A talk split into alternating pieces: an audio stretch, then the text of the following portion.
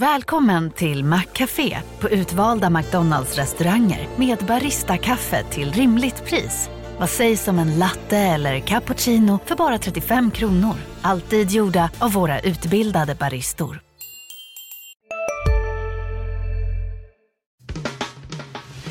Analyspodden från Dagens Industri. Hej och välkommen till Analyspodden, Dagens Industris podd om aktier och börsen. Jag som pratar heter Love Strandberg, jobbar på analysredaktionen. Har tidigare varit nyhetschef så jag har inte varit med i den här podden särskilt ofta. Med mig har jag också en nykomling, Torbjörn Isaksson. Välkommen. Tack ska du ha. Du har dykt upp lite här i spalterna på senare men egentligen har jobbat på det tidigare. Men då fanns det varken poddar eller knappt mobiltelefoner va? Nej, när jag började fanns det inte ens internet så det har ju hänt en del. Ja, kul. Men idag ska vi i alla fall, vi kan börja säga att vi, när vi spelar in det här klockan ungefär 20 över 10, börsen upp lite grann. Eh, I övrigt har vi haft en väldigt dålig börs den senaste tiden och det tänkte vi prata om idag. Även eh, räntan, vi har haft räntebesked från Riksbanken i veckan. Vi har haft eh, Hexagon där vd Ola Rolén har eh, aviserat sin avgång som vd. Eh, vi har haft rapport från H&M, eh, utköp av Carry Group och så, så nästa vecka har vi en del fastighetsrapporter som vi också tänkte avhandla. Ska vi börja med börsen som är ju, har ju varit eh, usel den senaste tiden och det blev ju ett av de sämre halvåren som vi stängde igår, då, torsdag, Eh, där, där börsen har varit ner, eh, ner 30 procent, vilket är eh, bland de sämsta inledningarna någonsin skulle jag gissa på, på Stockholmsbörsen. Eller vad säger du? Ja, det är det. Och sen kan man ju räkna från toppen under hösten. För många bolag så är det, är det många som är ner långt över och halveras. Så att det har ju varit en riktig urblåsning den här gången. Och det är I många fall så kan det ha varit eh, välförtjänt kan man tycka. Det är många som har flygit högt och nu har fått smaka på eh, verkligheten. Dels har vi eh, en helt, ett helt gäng med serieförvärvare bland annat som hade väldigt glada dagar förra året. Ja, de är kanske det värsta, eller storskogen här som gått ner över 75 procent och det är väl rimligt. Jag tycker det är lite svårt att se vad ett sådant bolag tillför överhuvudtaget. Och de värderingar som fanns där var ju helt orimliga. Du hade ju investmentbolag som eh, värderades till premium, enorm premium i en del fall, vilket inte heller är normalt, eller väldigt små fastighetsbolag som bara dök upp i mängder och, och, och gick upp. När man, varenda gång du fyllde ett tomt skal med ett fastighetsbolag så, så rusade ju aktien, vilket man ofta kunde ifrågasätta. Så att på en del håll så är det väl en, en nyttig nedgång. För eh, uppgången var inte rimlig. Men sen är det väl så att det är en massa andra bolag som har dragits med och gått ner eh, lite för mycket och det är väl där det alltid dyker upp eh, köplägen i sådana här urblåsningar. Va? Absolut, och där har vi, jag vet vi har haft som veckans aktie tidigare bland annat Truecaller som är ett sånt där bolag där det har varit i och för sig tryck från att gamla ägare som har sålt, men det är ju ett bolag som växer extremt kraftigt och är väldigt lönsamt, men har tagit otroligt mycket stryk i år också. Så att det finns ju, det kommer ju finnas eh, liksom revanschläge i många bolag som, som går fortsatt bra, men som ändå har dragits ner i det här fallet tillsammans med andra bolag som har väldigt liksom, icke-prövade affärsmodeller som, som förtjänar det mycket mer. I övrigt så är det ju, börsen har styrts väldigt mycket av eh, inflation och ränteoro ehm, och nu i veckan så fick vi räntebesked från Stefan Ingves och Riksbanken i Sverige där det blev en dubbelhöjning som ju var väntad till 0,75 procent. Eh, vad är dina reflektioner kring det Torbjörn? Ja, som du säger så var det ju helt väntat och det är ju bara början. Så man förväntar sig väl att det ska komma två eh, till dubbelhöjningar här under hösten eftersom eh, styrräntan ska ligga på närmare 2 procent i början på nästa år. Och det är en enorm eh, förändring av spelplanen mot, mot hur det var innan. Och sen ska de väl halvera obligationsköpen här resten av året jämfört med vad de sagt tidigare. Och det, det, är väl många bolag som kommer att få det svettigt nu som är vana vid de här väldigt eh, låga räntorna och att det alltid finns en tagare för deras obligationer. Men, men i en del fall är väl det också nyttigt för de, de räntenivåer vi har haft som, som har lyft många aktier. Det har inte varit rimligt. Va? Nej, men det, det, det är det där som det kommer bli intressant att följa men det, det är som alltid svårt att se vad, hur man ska tolka alla siffror och sånt. Jag, jag kan konstatera att det, är väldigt, det har dykt upp väldigt mycket ränte och inflationsexperter i, i sociala medier och på Twitter och sånt den senaste tiden. Det är inte allt för sällan samma människor som var epidemiologer tidigare och även eh, försvarsexperter tidigare i år. Så att det, det finns mycket, många folk som har åsikter om vilka håll det är på väg åt. Eh, om man tittar lite mer på vad som har hänt bolagsmässigt så har vi haft en, ja, det var väl inte jätteoväntat att han skulle sluta Ola Rodén, men nu, blir det, nu är det definitivt att han, han lämnar Hexagon eh, vid eh, nästa årsskifte va? och blir istället ordförande för Hexagon. Och det har varit en extrem eh, framgångssaga eh, under hans period som började som ett litet konglomerat som jag vet att du var och träffade eh, någon gång på 90-talet nere i Skåne. Vad, vad kan du säga om det? här? Det har hänt väldigt mycket under tiden, både bolagsmässigt och aktiemässigt har det varit en, en framgångssaga också. Ja, jag var ju på DE där på 90-talet och då var jag i Landskrona och träffade Börje Andersson som han eh, hette som satt i vad han kallar för en luda i, i hamnen i Landskrona. Och då hamnar, handlar väl bolaget mycket om eh, hur, hur man skulle göra grejer i Landskrona efter varvskrisen. Och det var ett väldigt spretigt och litet bolag Alltså när Ola Rolén tog över var det väl värt en och en halv miljard och nu när han slutar, så trots att det gått ner ganska mycket i, den här, eh, i det allmänna raset, så är det värt nära 300 miljarder. Och, och mer värt än eh, Ericsson. Så att den utvecklingen är det ju nästan ingen, eller det är väl ingen som kan, som kan mäta sig med den. Va? Nej, det var en eh, otrolig bedrift och nu, han har ju blivit också svårt förmögen på kuppen och sålt av aktier i omgångar under ganska lång tid nu och eh, kommer satsa på sitt egna investmentbolag också som öppnade också i en intervju med DI för att börsnoteras här om några år. Så det ska bli väldigt spännande att följa, följa hur det går. Ja, han verkar ju ha ganska mycket planer kring det där, vad man såg i intervjun här. Så att, eh det kan nog bli väldigt intressant. En annan trend som förstärktes eh, i veckan är ju utköp där vi har haft många eh, bud på börsbolag. Eh, det är väl över tio i alla fall i år. Det var Nordic Capital som kommer ta tillbaks Carry Group, alltså Ryds bilglas från börsen som de noterade så sent som i i höstas. Och det var ju lite spektakulärt i och med att den har gått väldigt dåligt och att, eh, att de faktiskt bjuder mindre än vad eh, teckningskursen var. Vilket det, det blev en jättepremie med att den har gått så dåligt men de bjuder fortfarande några kronor under, under själva teckningserbjudandet vilket är ju är lite speciellt. Vad, du skrev lite om, om det här när det begav sig. Vad, vad tar du med dig från, från det här? Ja, när det gäller själva det här budet så kan man konstatera att det inte är särskilt snyggt att lägga ett, efter nio månader komma och köpa ut bolaget eller, och bjuda mindre än vad man sålde ut det för. Och DI var ju tidigt ute och ifrågasatte prislappen i samband med introduktionen. Men det var väl en typisk sån introduktion som prismässigt eh, kom till på en aktiemarknad som var alldeles för högt uppdriven. Och det är klart, det kan man ju säga att eh, en del av de investerare som gick in i det borde kanske ha vetat bättre. Men, men de sålde ju in det på ett sätt som eh, inte, inte riktigt överensstämmer vad det har varit sen. Och inte minst så var det ju alldeles för högt värderat. Eller vet du det, skuldsatt. Och um, ehm, det, det är väl anledningen också till att de tar ut det nu. Aktien är så lågt värderat att det går inte att genomföra en nyemission. Och det kommer man kanske också se mer av. Lågt värderade bolag som behöver ta in pengar kommer ju ha det väldigt svårt att få det finansierat på aktiemarknaden och då kommer kanske någon att passa på och, och lägga bud som kanske ibland eh, tenderar att ligga nära skamgränsen.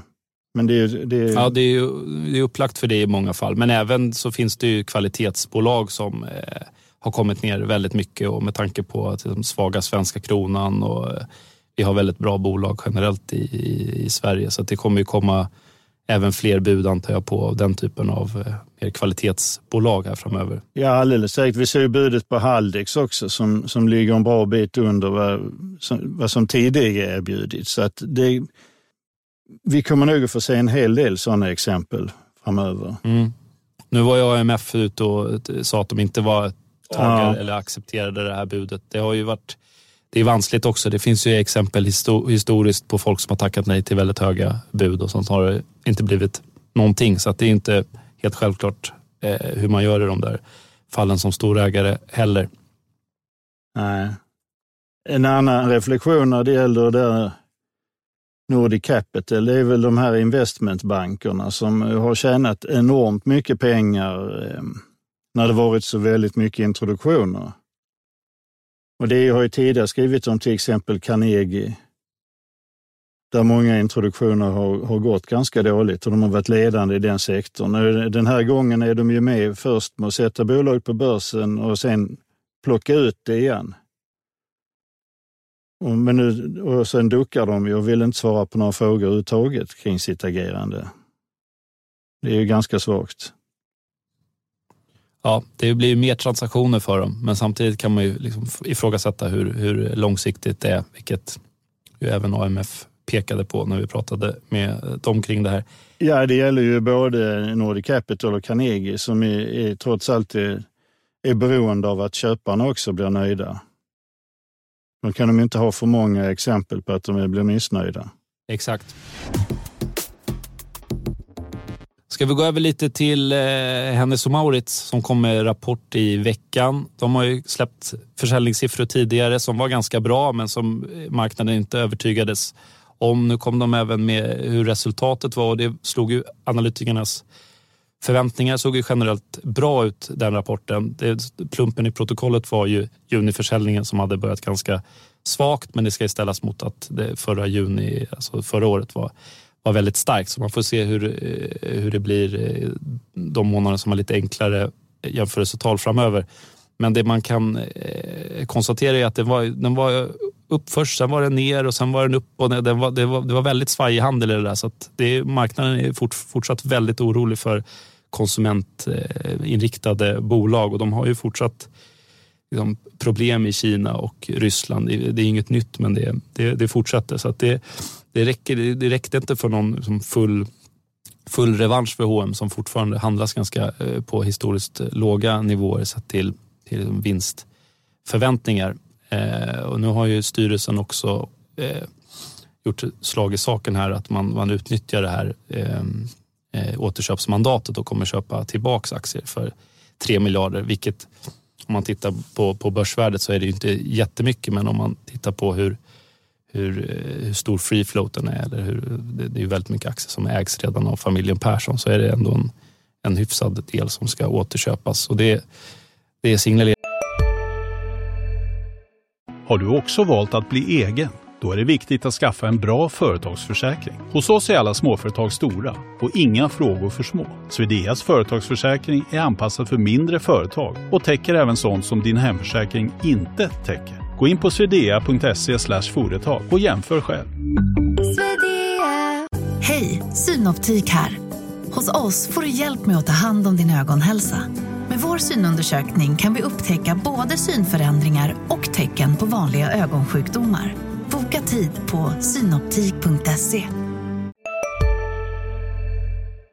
ju att, att eh, ja, bolaget tycker att det också är ganska, att det är ganska billigt eh, på de här nivåerna. Och de borde ju allt annat lika klara sig rätt mycket bättre än andra, andra typer av detaljhandelsbolag som har det sämre finansiellt och är, är mycket mindre. Eller vad, vad, vad tror du om det? Ja, men det, så måste det ju vara. Att, att de, har, de har ju ändå mycket starkare ställning än många andra som slås ut. Även om H&M stänger butiker så det är det är många konkurrenter som har det riktigt, riktigt svårt och kommer att försvinna. Och då borde ju de kunna vara där och, och de har ju både starka finanser och eh, även liksom en affärsmodell som är pris för den prismedvetna konsumenten. Så mm. att få, få folk mindre i plånkan så borde det också gynna dem. Vi får se, det ska bli spännande och följa det här eh, framöver.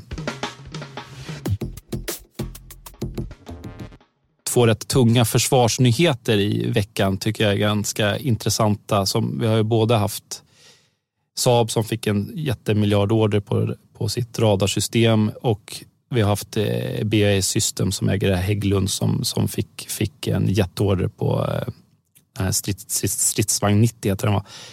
Eh, som enorma ordrar. Och det är ju det här som folk har pratat om ända sedan, sedan Rysslands invasion.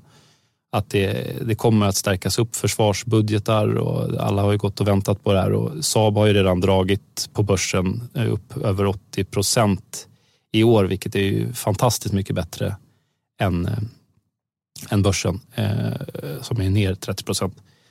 Och där är det, det är som ryggmärgs, ryggmärgsreflexen är ju alltid att det som försvarsbolag ska gå bra när krig utbryter. Men ibland kan man tänka att ja, det, det, är för lätt, så lätt kan det inte vara. Men det är, i Saabs fall har det verkligen varit det. Den har man i princip kunnat köpa hela året och att det ändå varit en eh, bra affär. Sen, sen, sen återstår det att se hur de, väl de kan förvalta det här ökade trycket. De har ju historiskt haft svårt att få någon vidare lönsamhet om man jämför med eh, konkurrenter och sånt. Men de är ju verkligen i de är i vinnarhålet här nu och det, jag tror att det, det kommer ju liksom forsa in pengar i det här området. Så jag tror att kan man hitta underleverantörer eller andra typer av eh, exponeringar mot försvarsindustrin så behöver inte det vara för sent att, att investera i det utan det, det känns som det är en trend som, som är stark och kommer fortsätta under många år framöver. Mm. Har du någon åsikt kring det? Nej, men det är, det är väl rimligt som du säger att eh, för ett Saab som ändå inte är, kanske når upp till alla internationella konkurrenter i, i lönsamhet har ju gått upp väldigt mycket. Så om man tittar lite utanför det där som du är inne på så finns det säkert en hel del att plocka upp. Det är intressant det här också med, med de här ESG-frågorna, där de, ingen ville ha ett bolag som Saab innan, men helt plötsligt så är väl, kommer väl ordet säkerhet in i, i ESG. Och det kommer väl också att gynna många bolag som ligger runt det, som kanske inte är fullt lika militärt inriktade, men ändå drar nytta av eh, den här upprustningen som måste till att Sverige går med i NATO. Så det kommer ju hända väldigt mycket inom eh, säkerhet och försvar. Även framöver. Absolut. Jag tänkte på en annan grej som en liten spaning jag hade från veckan. Eh, två ganska eh, motsatta eh, grejer som handlar om, vi skrev i dagens tidning, eh, min kollega Mikael Olsson, om att aktiesparandet har gått upp väldigt kraftigt de senaste åren och hur, hur eh, aktietips i aktieforum och eh, via influencers och sånt har ökat väldigt mycket i popularitet, stora följarskalor. Och hur farligt det kan bli bra när man, när man eh, hur, hur farligt det kan bli när man, när man inte gör sin egen analys utan mer följer med och tror på vad, vad, andra säger som kanske har incitament som man inte alls känner till utan det blir, det blir som följa John eller viskleken att det blir det blir bara förstärkande hela tiden och sen står man där med en aktie som man inte riktigt vet varför man köpte. Och det blir, sånt blir extremt svårt när börsen går ner väldigt mycket för då, då står du där med och har liksom 50% förlust i en aktie som du inte känner egentligen att det, att det är, eh, ja, varför köpte jag den här? Det är väldigt svårt att, att agera rationellt då. Ska man, ska man bara sälja allt eller ska man köpa mer? Det, det är därför det är eh, så extremt viktigt att ha en egen bild av en aktie när man, när man köper den. Så det, det är de här, när man blir prövad, det är då man måste veta vad man äger för annars blir det extremt svårt att göra några eh, bra affärer. Och den motsatsen till det, det är ju Bufab som, Bufab som vi skrev om som veckans aktie i veckan som jag tyckte eh, som Micke Wilenius skrev som väldigt intressant bolag som, som gör liksom skruvar och muttrar och har fullständigt krossat index eh, under eh, sina år på börsen. Det kan man ju tycka är liksom tråkig verksamhet, men de gnetar på, de gör det bra, eh, de växer och de eh, tjänar alltid pengar. Och det säger ganska mycket att du kan få liksom en fantastisk avkastning att bara äga ett sånt här bolag. Det behöver liksom inte vara nästa eh, trend eller något som ska bota någon jättesällsam sjukdom eller som eh, ska komma på mm, någon form av ny energilösning utan det går att hitta liksom de här eh, tråkbolagen och få en otroligt bra, bra avkastning även från dem. Absolut, och det, det som är kanske sunt också med den här nedgången eller förändringen är att det kommer in så mycket folk på aktiemarknaden som inte varit där innan, ju, som du är inne på här. Och eh, många av dem kommer väl att försvinna nu eller tvingas tänka om ganska mycket så att det kommer ju bli en revansch för många av de här företagen som är typ Bufab som, som ingen intresserade sig för men som egentligen är mycket sundare investeringar än företag som går upp flera hundra procent på lösa boliner och sen går ner. Det kommer vi nog inte se så mycket av eh, på ett tag igen för det är väl många som är väldigt brända där. Absolut, men då, tipset då är ju att istället för att lämna aktiemarknaden helt när man har, så, så försök hitta bolag som är lönsamma och har beprövade affärsmodeller och som, som har funnits länge. Liksom. Ja. Det behöver inte vara eh, svårare än så. Då kan man, eh, kan man ta rygg på framgångsrika antingen ägare eller entreprenörer istället för att, för att ta extremt mycket risk. Ska vi gå in och titta på eh, hur det ser ut nästa vecka? Ja. Det kommer en del intressanta rapporter då? Det, kommer, det börjar komma igång. Eh, redan på tisdag kommer första fastighetsbolaget här, eh, Fastpartner. Och det är väl en av de sektorer som det har hänt mest i och som man kan förvänta sig att det kommer hända väldigt mycket kring här under sommaren. Och sen på onsdagen kommer Platser, torsdag är det Diös och Catena. Alltså de är ju väldigt snabba med att komma ut med siffrorna här. Sen, eh, än så länge har det väl inte hänt särskilt mycket med fastighetsvärdena. De affärer som har skett eh, har ju varit till, till de värden som har gällt tidigare, så där kommer nog inte att säga särskilt mycket i de här rapporterna. Men det, det intressanta är ju vad de säger om framtiden. För inom kanske kommande kvartal så kommer det nog att se annorlunda ut med värdena när det, det görs affärer till lägre fastighetsvärden. Mm. Det, det, var ju en kort period i början av pandemin där de sänkte, och sen, men sen har de ju bara höjt värdena igen. Och det, nu ser det ju värre ut och det kommer att ta mycket längre tid. Man har sett några små affärer ändå. SBB har sålt lite fastigheter. Jag har också sett att de här John Mattsson som äger mycket hyresrätter och köpte mycket, tror jag i fjol, att de köpte ett jättestort bestånd och drog upp så de är väldigt skuldsatta nu. De hade också sålt en del fastigheter men då var det ju eh, över bokfört värde i alla fall så det har inte slagit igenom riktigt där. En ganska intressant som jag noterade här igår var ju att de här Heimstaden som, som köpte alla Roger eh, Akelius fastigheter i den här monsteraffären i fjol som var väl på ungefär var över 90 miljarder va? till en ja. eh, väldigt låg avkastning. De, de föll, deras preffaktie noterade i, i Sverige och de, den föll handlös igår 17 procent och det är sådana instrument som ändå har sålts in som ganska trygga som ska ge en fast eh, kupong. Liksom. Och nu, nu, de avskilde sin utdelning igår men de rasade betydligt mycket mer än vad den var, var på. Så det, det är otroligt skakigt där ute och det, eh, den där affären gjordes på så liksom låg eh, yield så att om, om, om eh, räntorna går upp till liksom 4 procent eller något så då, det innebär ju att om du har en yield som är lägre än räntekostnaden så har du, sitter du där med en affärsmodell som är, som är ganska svag, eh, minst sagt.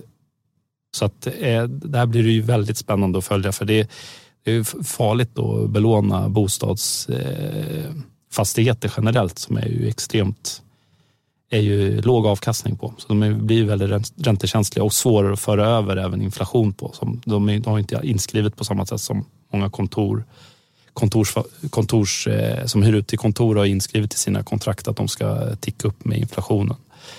Så det, det, är en väldigt mm, pressad sektor där. Ja, nej, Akelius han lyckades ju skjuta ut sig precis på toppen där. Men med många av de här andra fastighetskungarna ju, som, som har bara fortsatt öka och öka och öka, de, de har det ju väldigt svårt nu.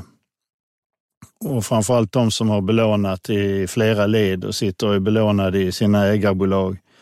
Så det kommer ju, det kommer ju att ske en massa försäljningar både i bolagen och på, på ägarnivå med ägare som har belånat sig för mycket och varit alldeles för aggressiva. Och där kommer ju också bli en revansch för de som har varit mera försiktiga och alla har tyckt de varit lite tråkiga. Men nu kommer det nog att se bättre ut för dem det kommande året. Japp. En annan pressad sektor är ju flygsektorn där det har varit mycket om SAS den senaste veckan. Det kommer även fortsätter med både trafiksiffror från olika bolag och den här SAS-följetongen nästa vecka också, eller hur? Du är lite uppsjungen på den här situationen. Ja, det kommer trafiksiffror från Norwegian, Finnair och SAS nästa vecka här bland annat. Men den stora dramatiken är ju här kring SAS och hur det går med förhandlingarna som ska vara klara senast under lördagen och där eh, norska piloterna nu går ut och säger att de är beredda att sätta bolaget i konkurs.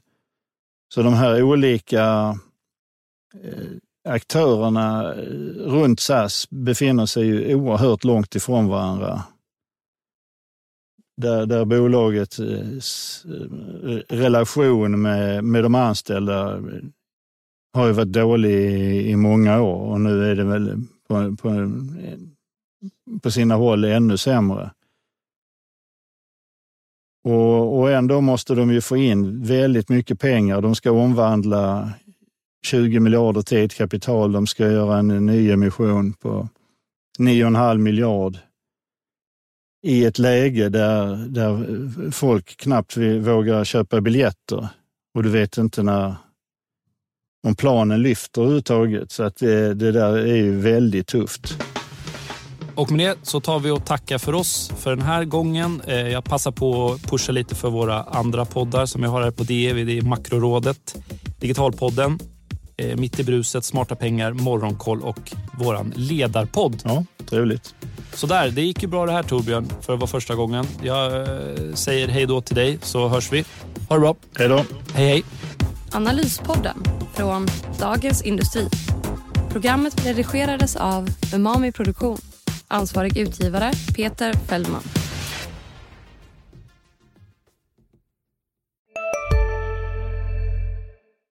Hej, Susanne Axel här. När du gör som jag och listar dig på en av Krys vårdcentraler får du en fast läkarkontakt som kan din sjukdomshistoria. Du får träffa erfarna specialister, tillgång till lättakuten och så kan du chatta med vårdpersonalen.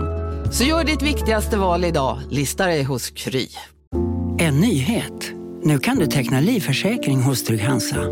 Den ger dina nära ersättning som kan användas på det sätt som hjälper bäst. En försäkring för dig och till de som älskar dig. Läs mer och teckna på trygghansa.se. Trygg Hansa. Trygghet för livet.